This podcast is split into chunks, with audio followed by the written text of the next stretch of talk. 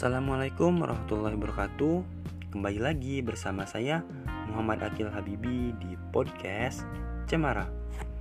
Pada kesempatan kali ini kita akan membahas suatu pembahasan yang emang lumayan menarik nih Yakni eh, bagaimana tinjauan, tinjauan hukum ketika kita membeli semen di toko milik pengusaha beragama Konghucu.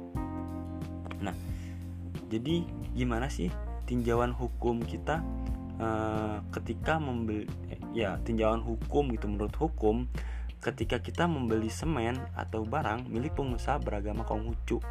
Nah, uh, langsung aja ya. Jadi sebenarnya di dalam agama Islam, ya, Islam sendiri melakukan transaksi jual beli itu dengan non Muslim uh, tidak ada larangan uh, karena memang tidak ada dalil atau syar'i syar'i yang melarang hal tersebut. Selama hal tersebut tidak melanggar kaidah-kaidah dalam Islam. Dan barang yang dijual belikan tersebut adalah halal serta tidak mendatangkan kemudaratan baik bagi penjual ataupun pembeli.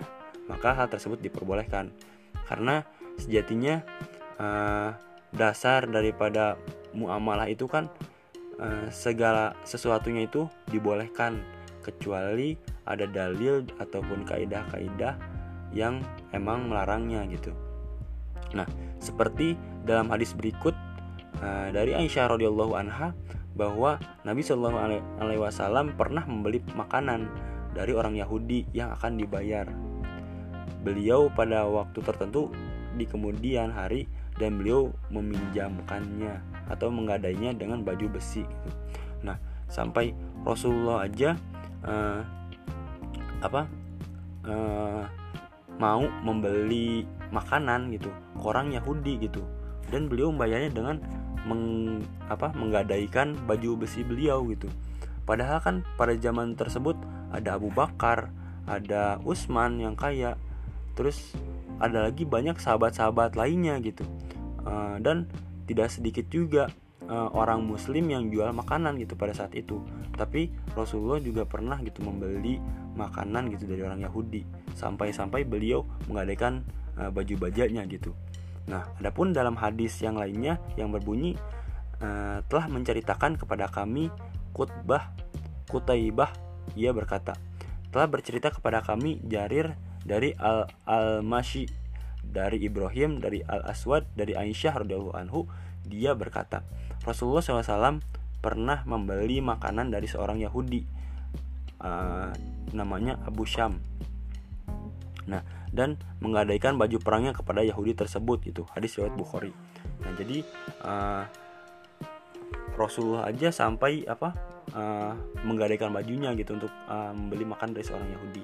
Jadi uh, tidak tidak karena tidak ada larangan yang apa uh, yang menyebutkan bahwasannya tidak boleh membeli uh, barang dari non muslim gitu.